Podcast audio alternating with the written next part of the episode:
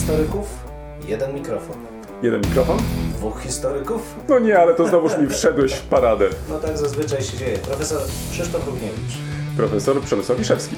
Próbujemy nagrywać to, co nas ciekawi, to, co nas kręci, ale zawsze w kontekście historii. No niestety, takie już mamy, że tylko o historii. Chociaż, czy zawsze na poważnie? No nie zawsze, a przede wszystkim historia to cały świat. To nie tylko to, co minęło, ale też to, co jest teraz. Chcemy pokazać, że w historii można poznawać się w różny sposób. Zdecydowanie w różny sposób i nawet można się nią bawić. Państwo wszyscy widzą, że się uśmiechamy, więc my się też bawimy nieźle. Bardzo dobrze. Dwóch Liczymy historyków, jeden mikrofon. Jeden mikrofon? Dwóch historyków. Dzień dobry Państwu. Dzień dobry koledze i dzień dobry Państwu. To taki trochę, to takie trochę nietypowe powitanie. Ale bo stwierdziłem, że tak zazwyczaj się nie witamy, to może się powitamy właśnie. O taki nowy świecki To zwyczaj. dzień dobry panu. Dzień dobry bardzo. Wiesz co, tak się zastanawiałem, od czego zacząć, ale to właściwie ty zacząłeś. Ale dobrze, skoro, skoro już się powitaliśmy, to mogę zacząć od ogłoszeń? Nie Proszę wiem, czy bardzo. przypominasz. Ogłoszenia parafialne. No, no, ja wiem, że to jest niedziela wieczór, tak, w niedziela wieczór, tak, bo już pomału mylą mi się w, e, dni, ale, ale nie, to, to jest faktycznie niedziela wieczór. Nie, ja tak świecko chcę, nie, nie chcę tak kościelnie, nie wiem w noc. ogóle, czy mam takie uprawnienia. Dobrze. O, to w takim razie ogłoszenia gminne. Nie, po prostu, w- tak w, w, po ludzku, ogłoszenia. Em, mianowicie, nie wiem, No to głoście. Czy głoście, sobie kolego. przypominasz, ale mm, obiecałem jednemu z naszych e, słuchaczy, słuchaczki lub słuchacza, że sprezentuję mm, książkę, o której krótko mówiłem tydzień albo dwa tygodnie temu. Wiesz, ja już, mnie się już wszystkie te daty nakładają. Mianowicie, tu może być twoja śmierć, e, wujnowe wspomnienia Kaszebów z gminy Żukowo. Przywiozłem właśnie książkę, którą otrzymałem od e, autora Eugeniusza Pryczkowskiego. Przypomnę, zebrał tej publikacji 20 wywiadów, bardzo różnych wywiadów, e, które dotyczą zarówno okresu II wojny światowej, jak i bezpośrednio po.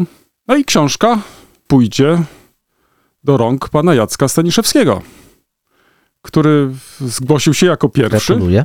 No i gratuluję. Także poproszę pana Jacka tylko o przesłanie adresu.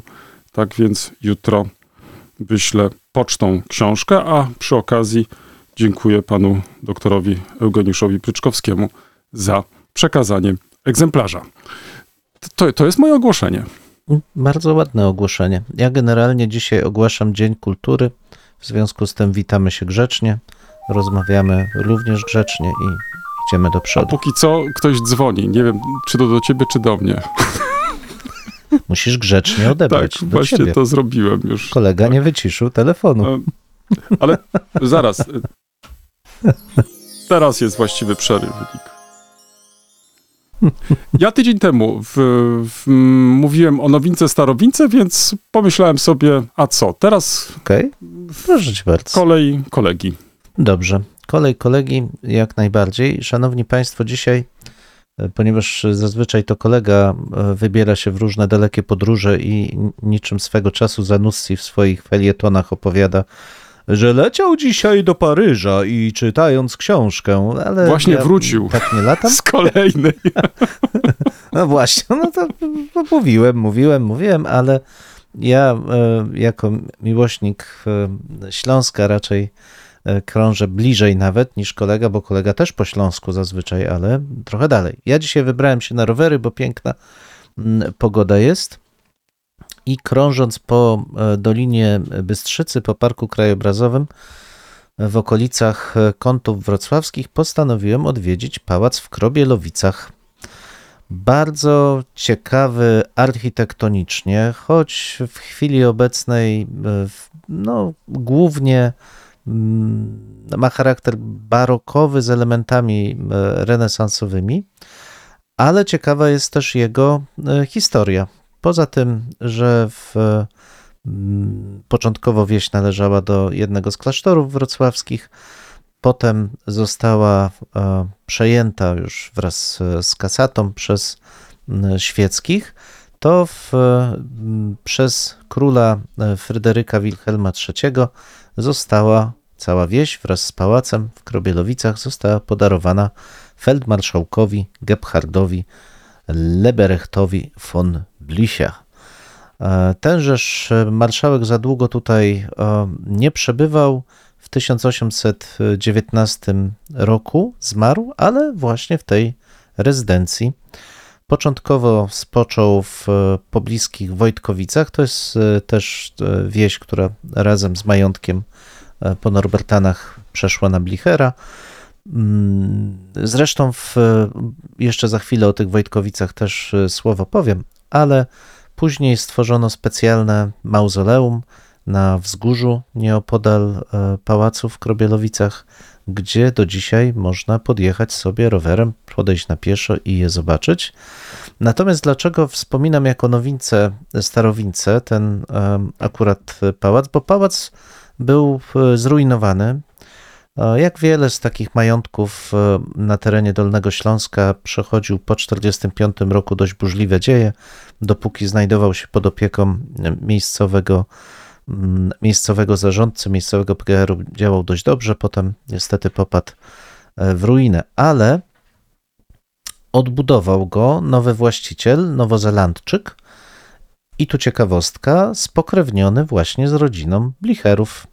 Jako mały chłopiec miał otrzymać zdjęcie i rysunek pałacu, który wykonała jego cioteczna babcia. Był tak tym zafascynowany, że po latach postanowił odkupić pałac, rzeczywiście e, dokonać jego hmm, gruntownego remontu. I faktycznie, proszę Państwa, jest co oglądać. Tam znajduje się w tej chwili hotel, e, jest pole golfowe, co wygląda dość zabawnie zresztą, bo przejeżdża się najpierw rowerem koło takich stawów, e, bardzo dużych stawów, miejscowe gospodarstwo tam jest rybne. Żaby rechoczą na potęgę, proszę Państwa, wspaniale. Jak ktoś jest miłośnikiem żab i rechotania, to zachęcam, naprawdę niesie się ten e, rechot. No a po drugiej stronie takie eleganckie pole golfowe, na które nie można wejść, bo to własność prywatna. Oczywiście wchodzą tam wszyscy, ale sama wizja tych żab, które boją się przeskakiwać na pole golfowe, bo jest to własność prywatna, mnie, e, mnie, mnie bawi.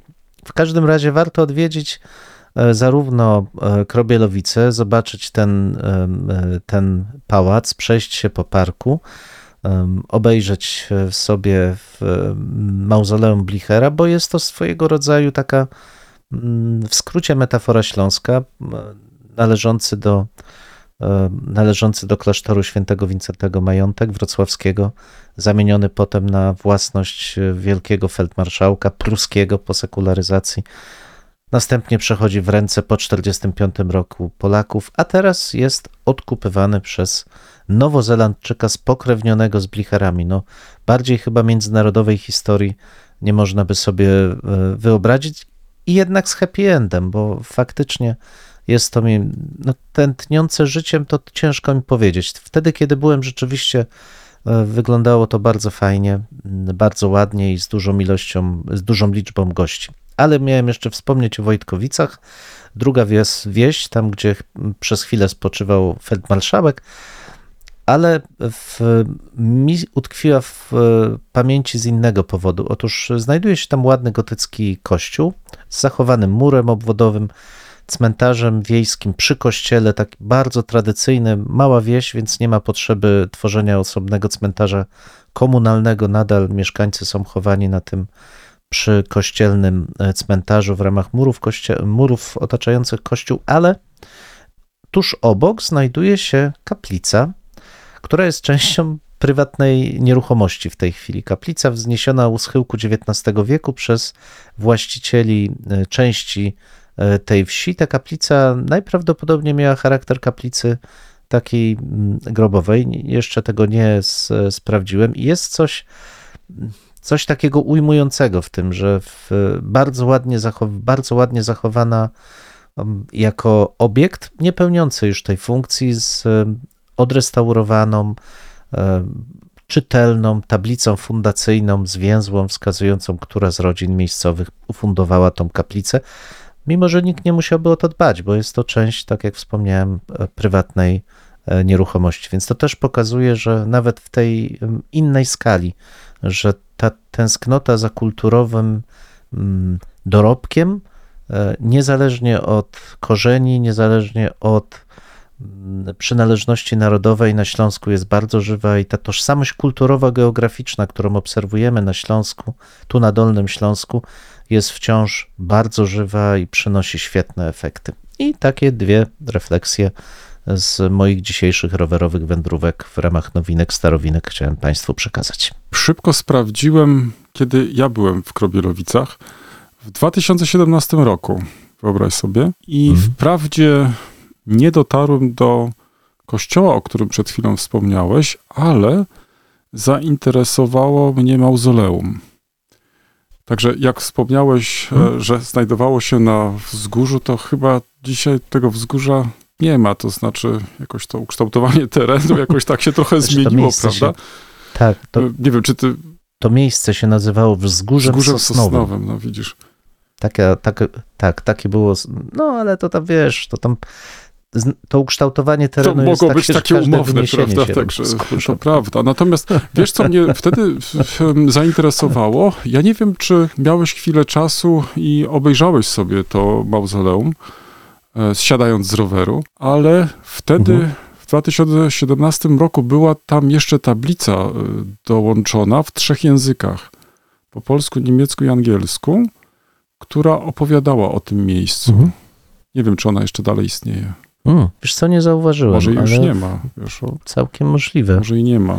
Nie wiem, wiesz co, nie zauważyłem. Y, Jest taki Mhm. murek dookoła i, i to chyba, znaczy taki no, powiedzmy nie dookoła, ale przy tym. I taka mała tabliczka tylko była, że no tutaj jest mauzoleum, ale żeby w trzech językach No widzisz, to nie to może- to może No, Nie już, e, zatrzymywałem się tam długo. Ktoś usunął tą tabliczkę. No w każdym razie faktycznie w trzech językach informowała o mm, tym miejscu. To, y, to jeszcze powiedz, ile kilometrów zrobiłeś? Bo to wcale nie jest tak blisko przecież.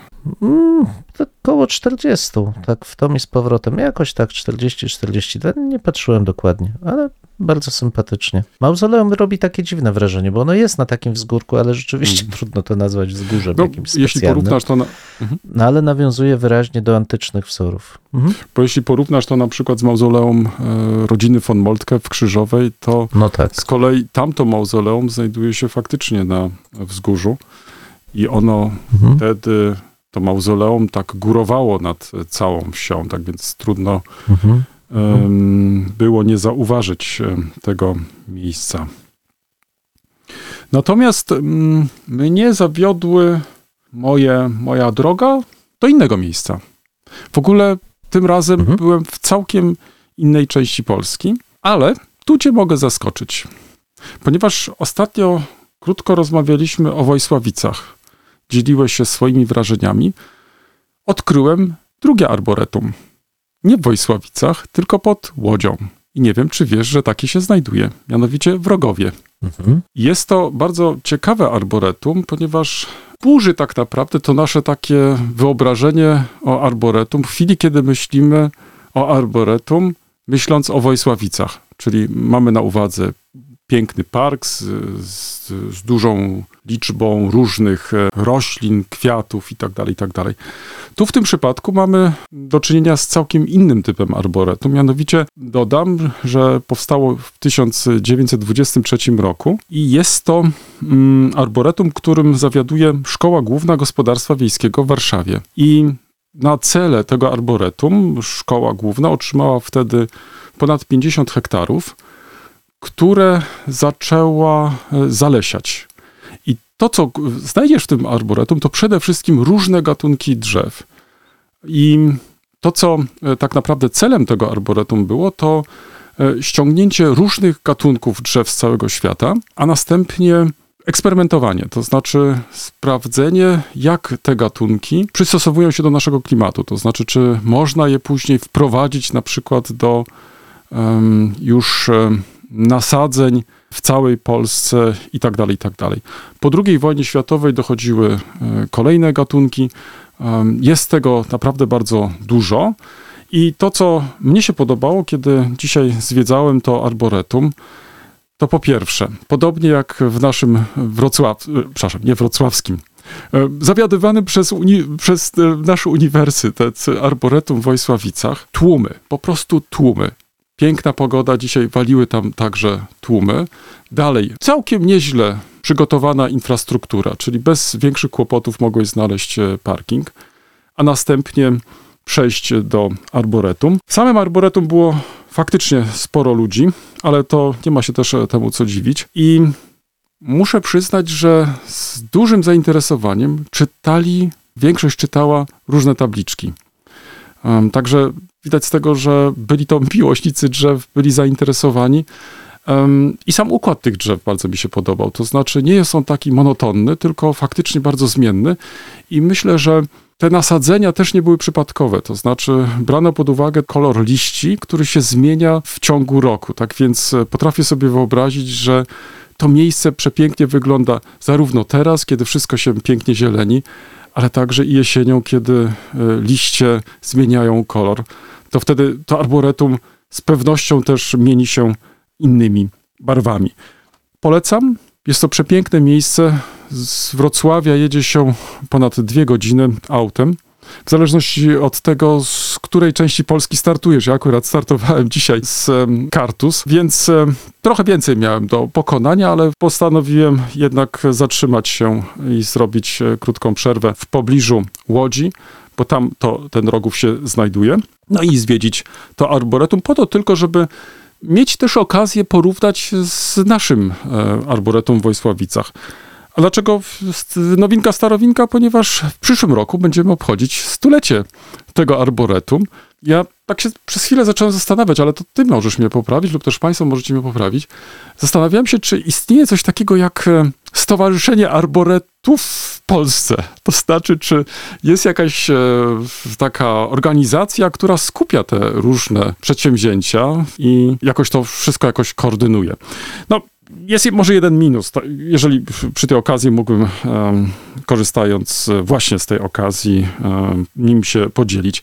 Niestety nie ma żadnego jakiegoś takiego sensownego przewodnika. To znaczy chętnie zakupiłbym taki przewodnik, który pozwoliłby mi w sposób taki, bym powiedział, bardziej kompetentny w, w, od miejsca do miejsca przechodzić, poznając e, historię takiego czy innego nasadzenia, bo faktycznie przed każdym drzewem, czy tam przed e, każdą partią drzew można znaleźć dodatkowe informacje, ale w takim ujęciu książkowym, e, w formie nawet jakiegoś takiego katalogu, myślę, że e, zaspokoiłoby to e, moje jakieś oczekiwania. Ale być może w przyszłości doczekamy się takiego opracowania, a może jeśli istnieje takie konsorcjum, takie coś takiego jak na kształt stowarzyszenia, to kto wie, może istnieje także i publikacja na ten temat, która temu arboretum w Rogowie poświęca więcej miejsca.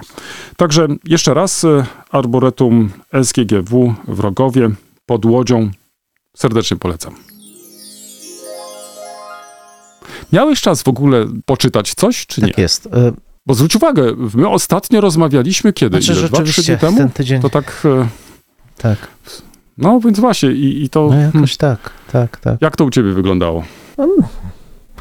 Znaczy, przyznaję, że tutaj w, za, du, za dużo czasu nie było. Um, jedną książkę chciałem króciutko zapowiedzieć, bo rzeczywiście całej nie byłem w stanie przeczytać. Um, mm, także dlatego, że nie wszystko w niej mnie e, interesowało. No, w, w, w każdym razie mm, w 2014 albo 2015 roku w Bambergu była zorganizowana konferencja, taki em, Rundvorlesung, dotyczące mm, norm społecznych, y, zakazów y, w średniowieczu. E, Dopiero teraz wyszła książka, co też pokazuje, że nie mamy się czego wstydzić. Ja mam zaległych kilka książek do wydania, więc czasami też się pocieszam tym, że innym też nie idzie lepiej. Ale książka dlatego jest ciekawa, że zbiera mm, nie tylko ten główny temat, e, rzeczywiście kwestie nakazów, zakazów, ich odzwierciedlania, norm społecznych, wartości też, na co tutaj e, wydawcy, zwłaszcza Klaus e, von Eichels zwracają, van Eichels, przepraszam, zwracają uwagę, jest ciekawym i dość, no może nie często, ale poruszanym tematem, jedno z takich opracowań dotyczących ustawodawstwa wiejskiego w okresie nowożytnym dało no, ciekawe, w, asum do ciekawych wniosków dotyczących funkcjonowania właśnie społeczności wiejskich e, na Śląsku. Ale mnie interesuje średniowiecze przede wszystkim stąd e, to ujęcie, które e, tutaj w, zaproponowali autorzy, próbując połączyć zarówno kwestie relevantności norm, bo my zazwyczaj patrzymy na normy jako na wyraz pewnej mm, aktywności formacyjnej, w jaki sposób ma być ukształtowane społeczeństwo. Tutaj pojawia się też problem, jak w rzeczywistości te normy funkcjonują, czy one są wyrazem realnie e, wdrażanych fragmentów życia społecznego, realnego kształtowania tego życia społecznego, czy mają raczej charakter symboliczny i służą zaakcentowaniu pewnych wartości, niekoniecznie przenosząc się potem na zmianę e, zachowań ludzkich, czy formowanie tych zachowań ludzkich. Mm, Jest też e, ciekawy wątek funkcjonowania norm szerzonych poprzez literaturę. Na ile literackie wyobrażenie rycerza faktycznie oddziaływuje poprzez normy, które są w nim wprowadzane na funkcjonowanie w, e, hmm, rycerstwa w średniowieczu, zwłaszcza w kontekście zależności w, e, lennych czy zależności klientarnych e, poszczególnych grup e, społecznych i wiele innych tematów, które tutaj się przewijają, ale zawsze właśnie w tym kontekście normy, e, normy prawnej albo normy zwyczajowej, e, kwestii wartości, które poprzez te normy są e, akcentowane i pytania o to, czy rzeczywiście te normy mają charakter mm, zapisów znajdujących odzwierciedlenie w zachowaniu w, e, współczesnych, czy raczej są wyrazem pewnych symbolicznych treści, symbolicznych e, prób formowania tego społeczeństwa. Dodam, że trochę w nurcie takim, który coraz częściej obserwujemy i zazwyczaj patrzę na to bardzo w, e, pozytywnie i tak jest też i tutaj, mm, że obok tych mm, treści dotyczących stricte e, zachodniego e, średniowiecza, zachodnioeuropejskiego średniowiecza pojawiają się także artykuły dotyczące świata islamu, aczkolwiek w okresie już wczesno-nowożytnym, ale też kwestia tożsamości diaspory żydowskiej i funkcjonowania w średniowieczu właśnie nakazów, zakazów w obrębie tej diaspory jako elementu kształtowania m, jej w em, tożsamości. Bardzo ciekawa e, praca wyszła w tym roku, co też jest istotne, e, jest dostępna na e, zasadach e, open access, więc każdy, kto będzie miał ochotę, może sobie do tych e, artykułów e, sięgnąć. Wydawnictwo Uniwersytetu w Bambergu. Nie jest to może szczególnie znana uczelnia, ale też nie, nie jest, mm, ale książka jak najbardziej godna polecenia. Gebote, Verbote, Normen und ihr Sozialer Sinn im Mittelalter, wydana przez Klausa van Eickels i Christine van Eickels. No i niestety tyle. Więcej nie będę kłamał, że udało mi się przeczytać w ciągu tych kilku dni. Kolega ułatwił mi trochę zadanie, ponieważ e, także ja niewiele miałem czasu, żeby czytać, tym bardziej, że e, w ostatnich dniach byłem w rozjazdach. To wcale nie oznacza, że na moim stole nie zaczęło się piętrzyć kilka książek, które zacząłem czytać, podczytywać, e, przeglądać. No i o tych lekturach chciałbym może dwa, trzy zdania powiedzieć. Być może na, nadarzy się okazja, żeby wrócić do nich i powiedzieć coś więcej. Zacznę może od książki, którą, o, koledze pokażę, proszę bardzo. Jest w formie tym razem papierowej z dedykacją autora. Bardzo się z tego cieszę. Pawła Chylego, Talita, zbiór opowiadań, przepięknie napisanych. Nie ukrywam, zapowiada się bardzo ciekawa lektura. Sięgnąłem do jednej z recenzji tej książki i pozwól, że fragmenty tej recenzji przeczytam. Chodzi o recenzję Janusza Kowalczyka, która ukazała się na portalu culture.pl. Oczywiście link do tej recenzji umieszczę do naszego podcastu. I autor stara się w taki sposób e, zachęcić do sięgnięcia po tą książkę. Podobnie jak w poprzednich swoich książkach, Paweł Chyle rozsiewa w talicie rozmaite tropy literackie, kulturowe czy historiozoficzne. Rozsnuwa pajęczynę znaczeń pozwalających wierzyć autorowi, że bohater czy narrator kolejnej jego opowieści to w dużej mierze on sam. Jest tym sporo autorskiej gry z czytelnikiem, gdy na przykład sugeruje, że w kolejce do konfesjonału ustawionej według alfabetu jego nazwisko zajmuje ósmą pozycję. No i kończy swoją recenzję mm, Janusz Kowalczyk w taki sposób. Oddając się lekturze, czy to powieści, czy opowiadań Chylego, nie wydaje się ważne, czy rzeczywiście zagłębiał się on w kroniki opactwa oliwskiego, czy faktycznie brał udział w bójce w obozie cygańskim, ani czy jego dorosła krewna rozbudzała w nim małolacie zalążki męskiej dumy. W, rzeczywi- w rzeczy samej jest to nieistotne wobec faktu, że jego wysublimowana stylistycznie proza zawsze z tajemniczym nadatkiem nie, niedopowiedzenia jest świetnie zorganizowaną beletrystyczną fikcją. Temperament pisarski autora sprawia, że jego książek, jeśli się je tylko otworzy, nie sposób nie przeczytać. No i muszę ci powiedzieć, że recenzent trafił w sedno. Po prostu książkę otworzyłem i zacząłem czytać, ale nie skończyłem, więc jeszcze nie powiem ci, co sądzę, co zachwyciło mnie, a co mnie nie zachwyciło. A tak na marginesie doszedłem do wniosku, nie wiem, czy ty czasami masz e, podobne e, chwile, że coraz więcej mnie rzeczy zachwyca. To znaczy, wiesz, e, po prostu czytam no i nie potrafię powstrzymać swojego wzruszenia. Może dlatego, że mam to szczęście, że trafiam naprawdę na świetne książki, na książki takie, które chcę czytać, e, które są świetnie napisane, które stanowią no, naprawdę przyjemność obcowania z taką literaturą. No i tak jak wspomniałem, pierwsze strony przekonują mnie, że czeka mnie faktycznie bardzo fajna lektura, tylko teraz y, nie jestem pewien, powinienem sobie chyba jakieś kropelki przygotować, bo jeśli tych wzruszeń będzie więcej, to nie wiem, czy przeżyję do końca książki. no ale cóż, to tylko tak na marginesie. A, ale powiem tak, wskakując, wskakując, powiem ci, że rzeczywiście o tej książce dzisiaj nie mówiłem. Myślę, że za tydzień e, jedną z książek Oksany Zabuszko tak wziąłem w rękę w Empiku, coś przeglądając, no i utonąłem po prostu. To, to, to piękno języka, ten, ta, ta fraza, te, no, to było coś wspaniałego i tak jak, tak jak wspominasz, no, no byłem po Mhm. prostu zachwycony. To jest kapitalne, to znaczy tyle piękna, ile jest wokół nas, jeśli się uda choć trochę z tego uchwycić. Absolutnie wspaniałe momenty, absolutnie. W pełni cię rozumiem, popieram kropelkę. Dziękuję ci bardzo. E, Natomiast druga e, rzecz, druga może propozycja raczej. Nie wiem, czy spotkałeś się dotąd z, z takim czasopismem wydawanym przez Fundację Adenauera. Ukazuje się już od wielu lat. Mm, Najnowszy numer, e, a chodzi tutaj o czasopismo pod tytułem Die Politische Meinung, zdanie polityczne, a może w ten sposób. Jest poświęcony mm, ten numer w całości kulturze sieci, Netzkultur, Leben in der digitalen Gesellschaft, e, mm, życie e, w społeczeństwie cyfrowym.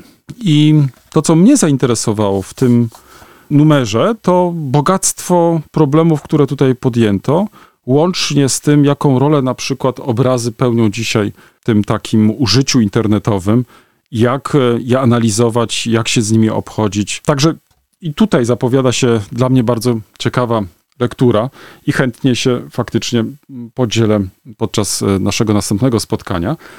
Na koniec natomiast zostawiłem sobie jeden podcast. Wysłuchałem go z dużym zainteresowaniem, tym bardziej, że mm, nie wiem, czy zwróciłeś e, na to uwagę, że no w tym tygodniu, bo jeszcze mamy niedzielę, odbyły się w Irlandii Północnej wybory. Nie wiem, czy o nich słyszałeś, ale bardzo ważne wybory. Czekamy cały czas, jeśli się nie mylę, na wyniki tych wyborów. Jak się, mm, czy jak przekonywała nas e, Agata Kasprolewicz e, w bardzo ciekawym wydaniu raportu o stanie świata, mm, wybory te e, mogą się okazać mm, przełomowe, gdyż po raz pierwszy chyba uda się partii Sinn Féin, która dotąd była traktowana jako ta partia, która wspierała proces zjednoczenia obu Irlandii.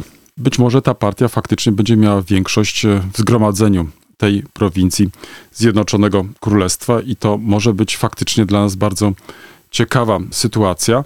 Ale to, co mnie zaciekawiło w tych e, kilku relacjach pani redaktor, przypomnę Agaty Kasprolewicz, to w jaki sposób przybliżyła ona nam ten problem. To znaczy, mm, w podcaście, który zajmuje się historią, nie zabrakło też w jej wypowiedziach, w jej materiałach historii. Starała się nakreślić tło konfliktu e, w Irlandii Północnej, przypomnieć, jaką rolę pełnił ten konflikt i pełni nadal e, w, w, tych wyborach dzisiejszych e, Irlandczyków. Ponadto zwróciła uwagę też na rolę i znaczenie murali, które są bardzo popularne w Irlandii i to, co w jednym z materiałów przedstawiła, że nawet jeżeli te murale nie dotyczą polityki, to i tak są traktowane jako polityczne, co bardzo mnie zaciekawiło. To znaczy, nie każdy mural musi poruszać jakiś temat polityczny, by uznać, że jest on polityczny.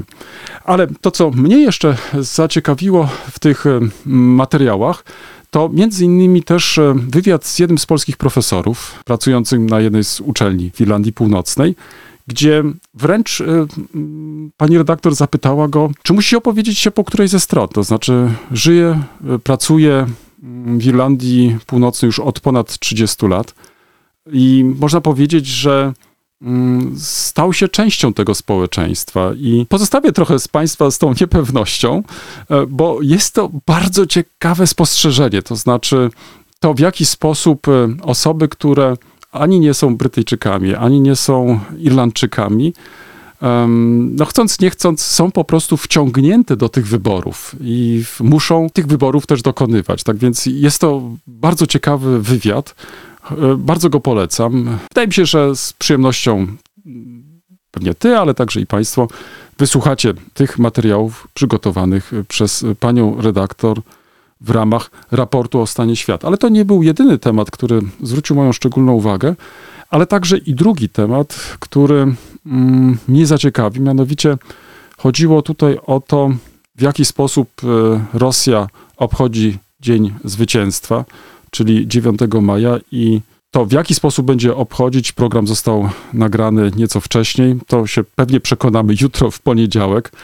Mm, tutaj mm, zastanawiano się przede wszystkim nad tym, jaką rolę pełni ten dzień w historii Rosji. Czy mając na uwadze obecnie trwającą wojnę w Ukrainie, czy dzień ten będzie wykorzystany do tego, żeby no, chyba przekreślić dotychczasową tradycję, to znaczy nawiązywania do zwycięstwa podczas II wojny światowej i czy w przyszłości ten Dzień Zwycięstwa nie będzie w jakiś sposób inaczej interpretowany. Ale myślę, że o tym się pewnie za chwilę przekonamy, jakie nowe treści, jeżeli takie się pojawią, będą związane z tym dniem. Myślę, że to, jest, co jest ciekawe, to już niezależnie od tego, co jutro się stanie, jakie będzie miał przemówienie prezydent e, Putin, to myślę, że tak i tak jest e, sprawą ważną oddzielić te dwie rzeczy.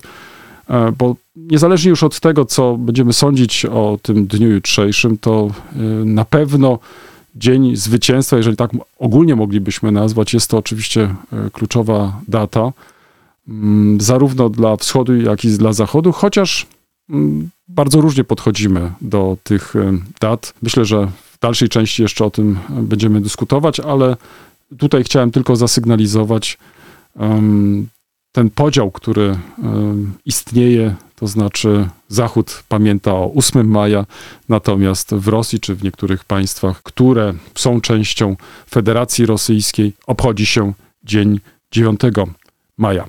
Proszę Państwa, e, chciałem Państwu polecić cały e, ten odcinek, bo jest on bardzo ciekawy.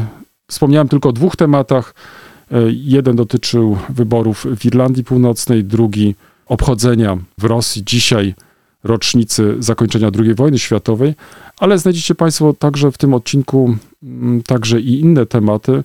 Myślę, że jest to chyba jeden z takich ciekawszych podcastów, raport o stanie świata, który podejmuje tematy, które nie zawsze są może um, jakoś tak um, w sposób um, szczegółowy poruszane w naszych mediach, a tutaj faktycznie udało się autorom tego podcastu nie tylko zaprosić świetnych specjalistów, ale przede wszystkim poprzez y, dobór tematów cały czas zmuszać nas do jakiejś takiej szerszej e, nieco refleksji. Tak więc mogę tylko polecić, ale myślę, że mając na uwadze, że cieszy się on niesłabnącym zainteresowaniem, to raczej rekomendacji ten podcast w ogóle nie potrzebuje, ale myślę dla historyków jest to także bardzo ciekawy materiał, e, z którego możemy również korzystać. Także przypomnę raport o stanie świata. Link do ostatniego wydania oczywiście znajdzie się w materiałach do naszego podcastu. To z mojej strony tyle. Ja tylko dla kronikarskiego porządku dodam, że rzeczywiście Sinn Féin wygrała wybory, ale nie jest to jakieś, jakieś przytłaczające zwycięstwo. Ja nie widzę szans na jakieś przyłączenie Irlandii Północnej do Irlandii. 27 miejsc w 90-osobowym parlamencie. Na 90, No, tak. To nie jest nawet przy tym. Ale to są już ostateczne No, wyniki wyborów? Po obsadzeniu 88 y, mandatów, Aha, czyli jeszcze dwa jakieś są sporne, Mhm, no ale mhm. to, to niczego już jakby nie Mhm. zmieni. Partia nie zmieni. sojusznicza tam jakieś 7 głosów ma, 7 mandatów ma, więc raczej będzie to oznaczało przeciąganie się konfliktu dalej. Trochę próbowałem już e, zasygnalizować nasz dzisiejszy Mhm. temat. em, Obchody. dotyczący zwycięstw i obchodzenia też zwycięstw w przeszłości, ale także i dzisiaj. Tu możemy się zastanowić też, czy potrzebujemy obchodzić te wydarzenia. To znaczy, czy to jest dla nas dzisiaj ważne, istotne, a jeżeli tak, to jak to robimy? To jest może jeden taki wątek, który można byłoby podjąć.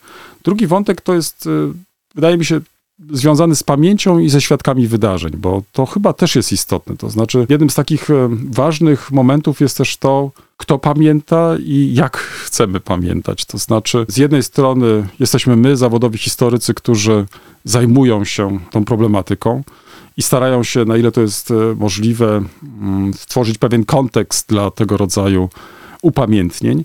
Z drugiej strony mamy konkretne oczekiwania świadków wydarzeń, że te wydarzenia, w których e, oni uczestniczyli, będą stale pamiętane. No i że o nich się będzie też e, mówić i dyskutować, e, by może nawet sprowadzić to do jednego ładnego sformułowania, które przesłał mi jeden z nauczycieli, Jacek Staniszewski. Sformułował to w ten sposób. Tydzień temu mieliśmy długą dyskusję o tym, czy dziadek Mikołaja jest lepszym źródłem niż jakiś profesor, który wojny nie zaznał. Ja myślę, że to jest piękna puenta tych pytań, które zadałem na początek. Jestem ciekaw Twojego zdania. Jak w ogóle, może zacznijmy od tego. Jakie są Twoje pierwsze jakieś takie mm, skojarzenia, gdy myślisz o Dniu Zwycięstwa i Wolności? Jeszcze do niedawna. Zwróć uwagę, że do 2015 roku obchodziliśmy w Polsce właśnie ten dzień 9 maja jako Dzień Zwycięstwa i Wolności. No to ja nie będę oryginalny. To znaczy, jak dorastało się w PRL-u, no to myślę, że dla większości z nas te, te wszystkie apele pod pomnikami braterstwa e, żołnierzy polskich i radzieckich to, to, to była pewna norma, jeśli można tak powiedzieć. Apele w szkołach, ale nie wiem, czy to. Znaczy, nie będę prezentował się wokalnie, ale to, z czym mi się kojarzy 9 maja, no to jest chór e, Armii Czerwonej, zawsze wykonujący e, to dzień pobiedy i ten grzmiący głos się niosący przez naszą PRL-owską telewizję, więc święto 9 maja tak mi się kojarzy bardzo indoktrynacyjnie. Mm, No, ale żadnych ciepłych uczuć jakby z tym związanych nie mam. Wiesz, to co mnie faktycznie zaskoczyło, to to, że mimo, że przyjmujemy rok 89 jako ważną cezurę i wydawałoby się, że to właśnie po roku 89 zaczęto zmieniać, no i zmieniano w nasze główne święta narodowe, to ta data 9 maja aż dotrwała do 2015 roku. Tu może warto w tym kontekście przypomnieć, że ten dzień został już ustanowiony w 1945 roku. Początkowo to był dzień wolny od pracy. Do roku 50 chyba, jeśli się nie mylę. W 51 został zniesiony, by później wprowadzić go raz jeszcze w latach 80. Także jeszcze w latach 80. był to dzień wolny od e, pracy. No i do 2015 roku, tak jak wspomniałem, obchodziliśmy ten dzień 9 maja. Natomiast dopiero potem, po 2015 roku, 8 maja, już jako Narodowy Dzień Zwycięstwa, lub też e, to narodowe chyba odpadło i ostatecznie zostało jako Dzień Zwycięstwa. Czyli Dzień Tak Pabiedy. więc e, zwróć uwagę, że tak, tak, tylko nie, nie, no. no, e, jak zwał, tak zwał, tylko że zwróć uwagę, że, że, że faktycznie 8 maja. Ja myślę, że naszym słuchaczom nie musimy tłumaczyć, skąd się wziął e, ten 8 maja czy 9 maja, bo to, to są sprawy chyba e, oczywiste. Ale niezależnie od tego, mm, z tymi datami związane są konkretne treści, konkretne symbole, i chyba o tym warto też jeszcze wspomnieć, bo mm, ja przypominam sobie, to było wiele lat temu, kiedy będąc w Moskwie, mm, uczestniczyłem w konferencji, która była zorganizowana przez e, Memoriał. Dzisiaj organizacja zakazana czy rozwiązana Rozwiązana. Mhm. rozwiązana, prawda? Y, I konferencja ta dotyczyła generalnie II wojny światowej i jej skutków. I to, co mnie się rzuciło przede wszystkim w oczy, coś, co było w, w opozycji do, do, do tej ogólnej propagandy, która wtedy funkcjonowała, że mówiliśmy wtedy o całej II wojnie światowej, czyli od roku 1939 do roku 1945. Natomiast na każdym kroku w Moskwie spotykałem pomniki, które przekonywały, że tak naprawdę mamy do czynienia z Wielką Wojną Ojczyźnianą i te daty 41, 45 em, nie sposób nie było zauważyć. Tak więc ta data kończąca II wojnę światową, rok 45, faktycznie był traktowany w sposób e, szczególny, no i e, łącznie z organizacją e, parad na Placu Czerwonym, to myślę, że każdy z nas, już niezależnie od tego, w jakiej rzeczywistości społeczno-politycznej wzrastał, to także po roku 89 był konfrontowany z tymi obrazami, które dzisiaj pewnie w, będą inaczej odbierane. To znaczy, w, w kontekście wojny w Ukrainie, um, nawet fakt, że Związek Radziecki wtedy był członkiem koalicji antyhitlerowskiej, faktycznie przyczynił się do upadku III Rzeszy i zakończenia II wojny światowej, to myślę, że mm, dzisiaj będziemy bardziej ostrożni w tych osądach, oceniając rolę i znaczenie Związku Radzieckiego, czy także dzisiejszej Rosji. Nie wiem, co o tym sądzisz? Czy em, nie czeka nas też e, jakaś rewizja, także pod tym kątem? No wiesz, ja tak sobie myślę przede wszystkim o tych obchodach, uroczystościach, o których wspomniałeś i tak y, widzę, jak bardzo mm, w, wciąż przy wszystkich wzniosłych słowach o globalnym charakterze, o, o wartości demokratycznych, o, o etyce i, i, tak dalej, że, że podejście do imperializmu rosyjskiego zmieniło się wtedy, kiedy ono rzeczywiście zagroziło zachodniej Europie czyli uderzyło w Ukrainę, uderzyło blisko naszych sąsiadów. Tymczasem ten imperializm rosyjski w, widać było już dużo wcześniej. Pierwsza, druga wojna czeczeńska, potem Syria. Ja pamiętam, nie wiem czy ty pamiętasz jeszcze taką piosenkę, to już albo kultu, albo Kazika. Łysy jedzie do Moskwy. No przecież to dotyczyło właśnie wojny w Czeczenii i skandalicznej decyzji polskich władz wtedy o wysłaniu premiera Oleksego na paradę z okazji Święta Zwycięstwa. Wtedy było to przecież w gruncie rzeczy akceptowane, no geopolityka geopolityką, ale trzeba mieć dobre kontakty, poza tym symboliczna wartość współpracy i tak dalej, i tak dalej, i tak dalej.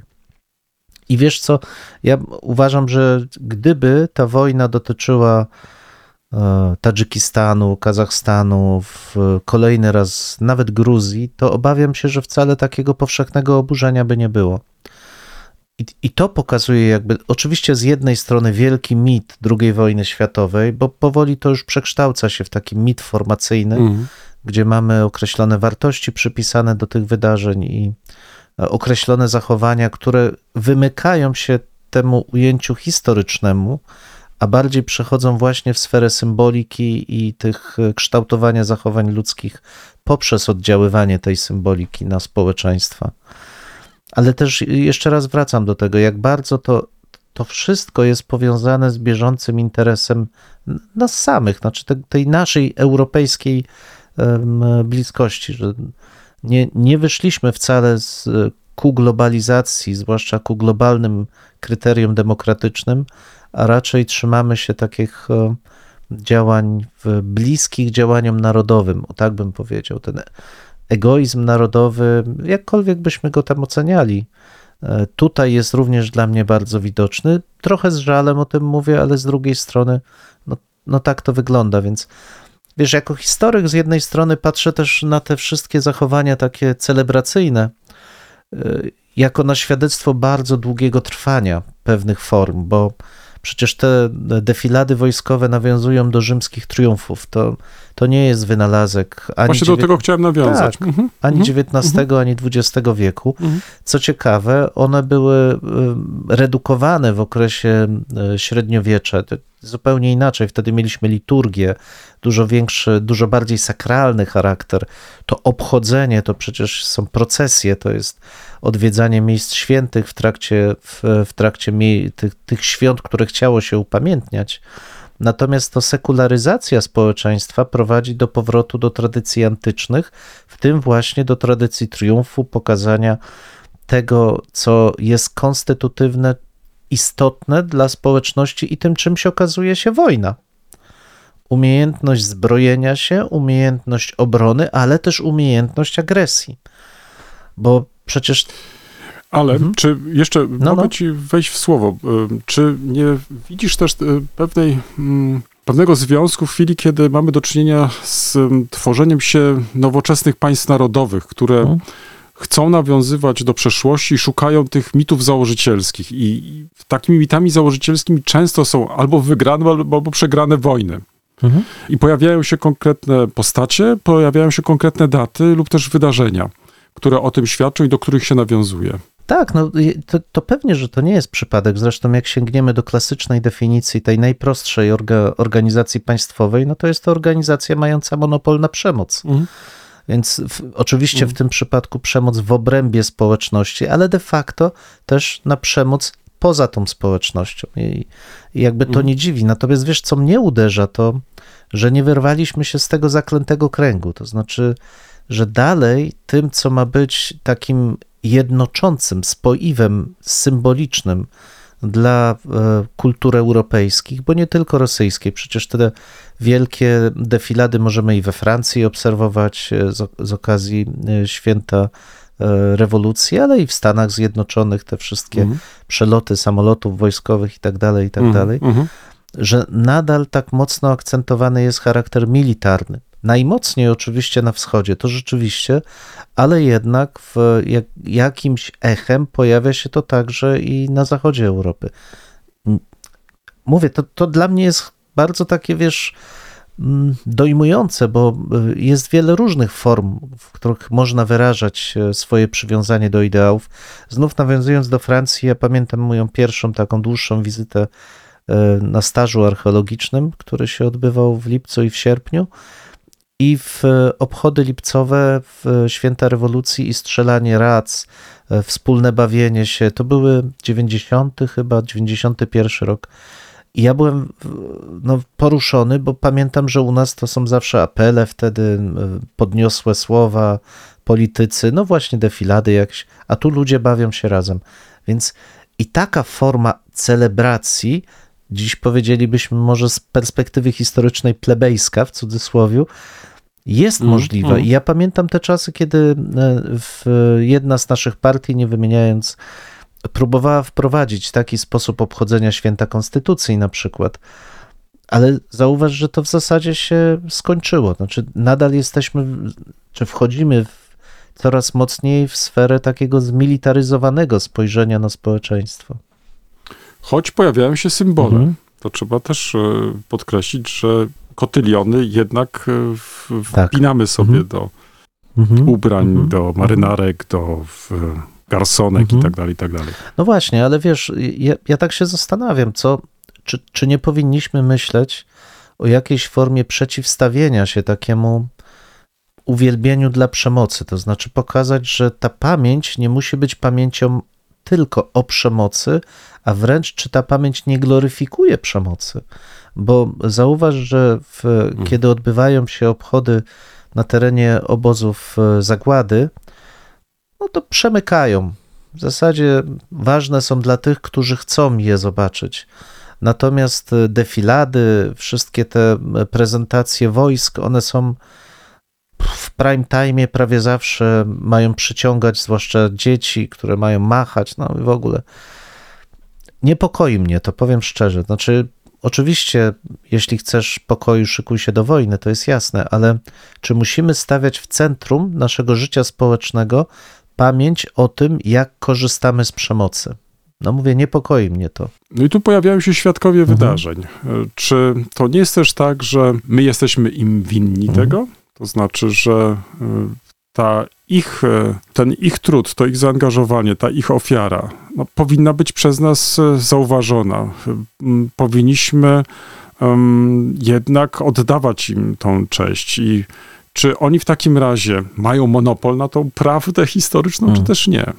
Bo zwróć uwagę, bo to jest właśnie ten dylemat, przed którym stoimy. To znaczy, z jednej strony życzyłbyś sobie inną formę pamięci, ale równocześnie jesteśmy konfrontowani z tą taką rzeczywistością dnia codziennego. To znaczy, mamy do czynienia z weteranami, mamy do czynienia z, e, ze świadkami wydarzeń. To właśnie oni są tymi depozytariuszami pamięci, lub też za takich się uważają niejednokrotnie mm, domagając się e, uznania, zaakceptowania. No tak, ale przede wszystkim spójrzmy na realia. Jeśli e, dzisiaj mówimy o świadkach tych wydarzeń, to znaczy osobach, które były świadome i działały przed 45 rokiem życia, przed 45 rokiem, przepraszam, to ile one tak Rokiem. naprawdę Mhm. miały lat w momencie, kiedy się te wydarzenia działy? Ilu jest realnie żywych świadków historii, tak? Tak patrząc na to zupełnie realnie, to znaczy osoby, które miały 20 lat w 45 roku, w chwili obecnej dożywają 100 lat. To jest naprawdę niewielka, niewielka grupa osób. Absolutnie nie jestem przeciwnikiem odmawiania im w, czy jakiego, jak, jakichś form szacunku, no bo przecież to są osoby, które w dużej liczbie wycierpiały w ogrom, mm, przez ogrom swojego życia. Ale tak popatrz e, do bliższych tobie regionów się odwołując, co jest bardziej pamiętane w Polsce? Lasy w Piaśnicy czy Westerplatte? Mhm. Prawda? Znowu ta zmilitaryzowana wersja pamięci dominuje. Nie tak naprawdę cierpienie, tylko zmilitaryzowana wersja pamięci. Lub też wiesz, to co łatwiej jest mitologizować, a łatwiej No tak. mitologizować, e, jeśli chodzi o e, też tą narodową mitologię, właśnie walkę tych nielicznych, e, Mhm. tych, którzy nawet jeżeli ponieśli klęskę, to zwyciężyli. Przecież Mhm. e, nie jest to żadna nowa tradycja, to też nie jest tradycja XX wieku w przypadku Polski, tylko XIX-wieczna, czy też nawet możemy szukać jeszcze e, dalej, gdzie właśnie to się przede wszystkim liczy, a nie ofiara jako taka, bo, bo, bo Mhm. ona jest ani spektakularna, w, najczęściej jeszcze masowa, nie posiada imienia i nazwiska. Wiesz, to jest ciekawy aspekt, bo przykładowo zastanawiałem się stale, dlaczego mm, udało się e, Czechom opracować wykaz e, więźniów e, mm, mm, więzienia na ulicy Klęczkowskiej. Przypomnę, jedno z większych więzień we Wrocławiu okresu II wojny światowej. Natomiast do dzisiaj nie udało nam się opracować polskiego wykazu. Mhm. Mhm. Mało spektakularne, Tak. nie, brak zainteresowania, brak materiałów. Raczej wątpię w to. Oczywiście w, końcu udało się upamiętnić profesorów e, Uniwersytetu Jagiellońskiego, którzy Mhm.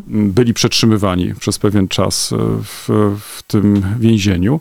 No ale co wiemy o pozostałych Polakach, którzy tam również w tym więzieniu byli przetrzymywani i tak dalej, i tak dalej. Widzisz, to jest zbyt mało spektakularne, zbyt mało chyba istotne. To jest też masowa grupa.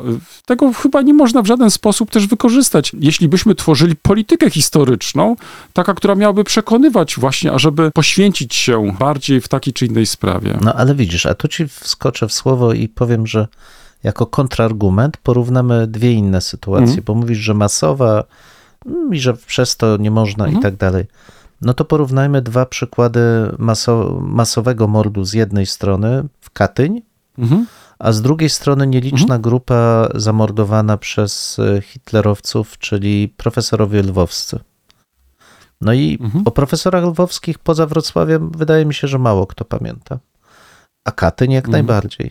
A przecież tutaj mamy nieliczną Mhm. grupę elitarną, tam mamy liczną grupę. O, w obu przypadkach brutalny mord, niczym nie usprawiedliwiony. Ale z jednej strony mamy żołnierzy, mamy policjantów, mamy grupę, mm, która jest e, reprezentatywna dla całego społeczeństwa jakoś Mhm. symbolicznie, a z drugiej strony mamy garstkę przedstawicieli elity. No i kogo bardziej należy pamiętać, kogo mniej.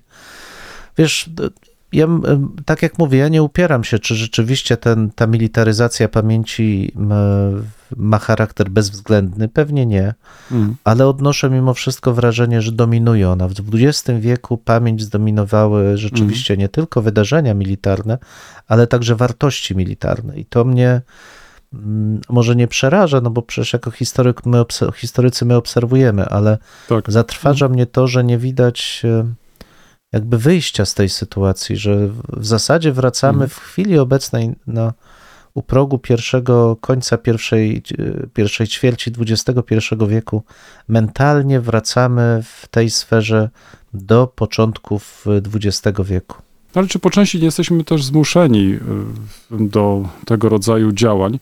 Bo odwołujemy się jednak do mm, pewnych już nam znanych y, schematów. Y, No, jesteśmy konfrontowani teraz z działaniami państwa agresywnego, które działa wbrew naszym wartościom. To znaczy, jeśli prześledzisz przykładowo dyskusję, która toczy się od pewnego czasu w Niemczech, tutaj myślę przede wszystkim o tej dyskusji antywojennej i tak dalej, i tak dalej, pacyfistycznej, to oczywiście łapiesz się za głowę, to znaczy jak możliwe jest wypowiadanie takich czy innych sądów, e, gdzie wręcz podważa się sens e, pomocy militarnej Ukrainie i tak dalej, i tak dalej, w imię pokoju. No tak, ale jeżeli masz do czynienia z agresywnym państwem, to w jaki sposób e, możesz zareagować? I wtedy te wszystkie znane tobie i utarte schematy zaczynasz wyciągać, a następnie wykorzystywać po to tylko, żeby mobilizować. Em, No bo nawiązujesz do czegoś, co jest ci już znane. Natomiast nie wiem, czy miałbyś e, możliwość przekonania kogokolwiek e, frazologią, którą ty proponujesz, że mam inaczej pamiętać, mam inaczej Mhm. postępować. No wiesz, Także ta militaryzacja, ona teraz jest, y, y, dla mnie, y, mogę ją potraktować jako formę obrony też przed tym zagrożeniem, które jest realne, które jest y, w końcu na granicy wschodniej no Polski. tak, ale to rozmawiamy o dwóch rzeczywistościach. Jedna czasu wojny, no i Mhm. trudno się dziwić, jest mobilizacja w, w różnych aspektach życia, aczkolwiek tu do tego Mhm. wrócę, nie jest, to nie jest tak, że ona musi mieć aż tak militarny charakter, ale druga to są czasy, kiedy ta wojna jest daleko, czy nie, nie jest właśnie tak blisko jak dziś. A ja nie widzę szczególnego, szczególnej różnicy w, w ramach tych obchodów symbolicznych. Upierałbym się, że nadal mimo wszystko te kwestie militarne dominują w pamięci państwowej, przynajmniej w naszym kraju, czy na wschód od Łaby, jeśli można tak powiedzieć, ale Mhm, i na zachodzie Europy te, te, też e, wydaje mi się, że tak jest.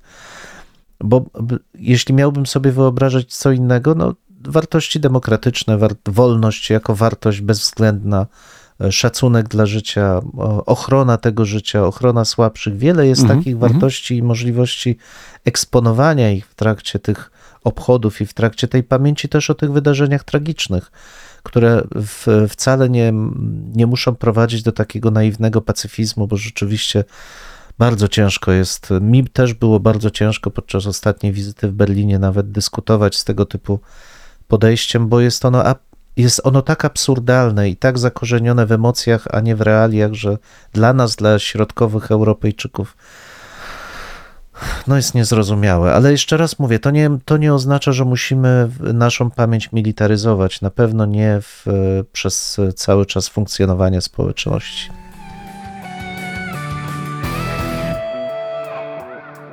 W tym miejscu stawiamy kropkę lub też jak to woli, kropkę nad i. No, mamy nadzieję, że to nie jest koniec, że to jest początek naszych dyskusji. Mam nadzieję, że Was zaciekawi. Prosimy o komentowanie naszych em, zmagań z historią. poniżej zdjęcia jest wystarczająco dużo miejsca. I pamiętajcie, nie regulujcie odbiorników. No my naprawdę tak brzmimy. E, tak, chociaż być może czasami e, może trzeba ściszyć. No może czasami ten nasz rekord by się przydało wyciąć nawet. Dwóch historyków, Jeden mikrofon, jeden mikrofon. dwóch historyków. Dziękujemy.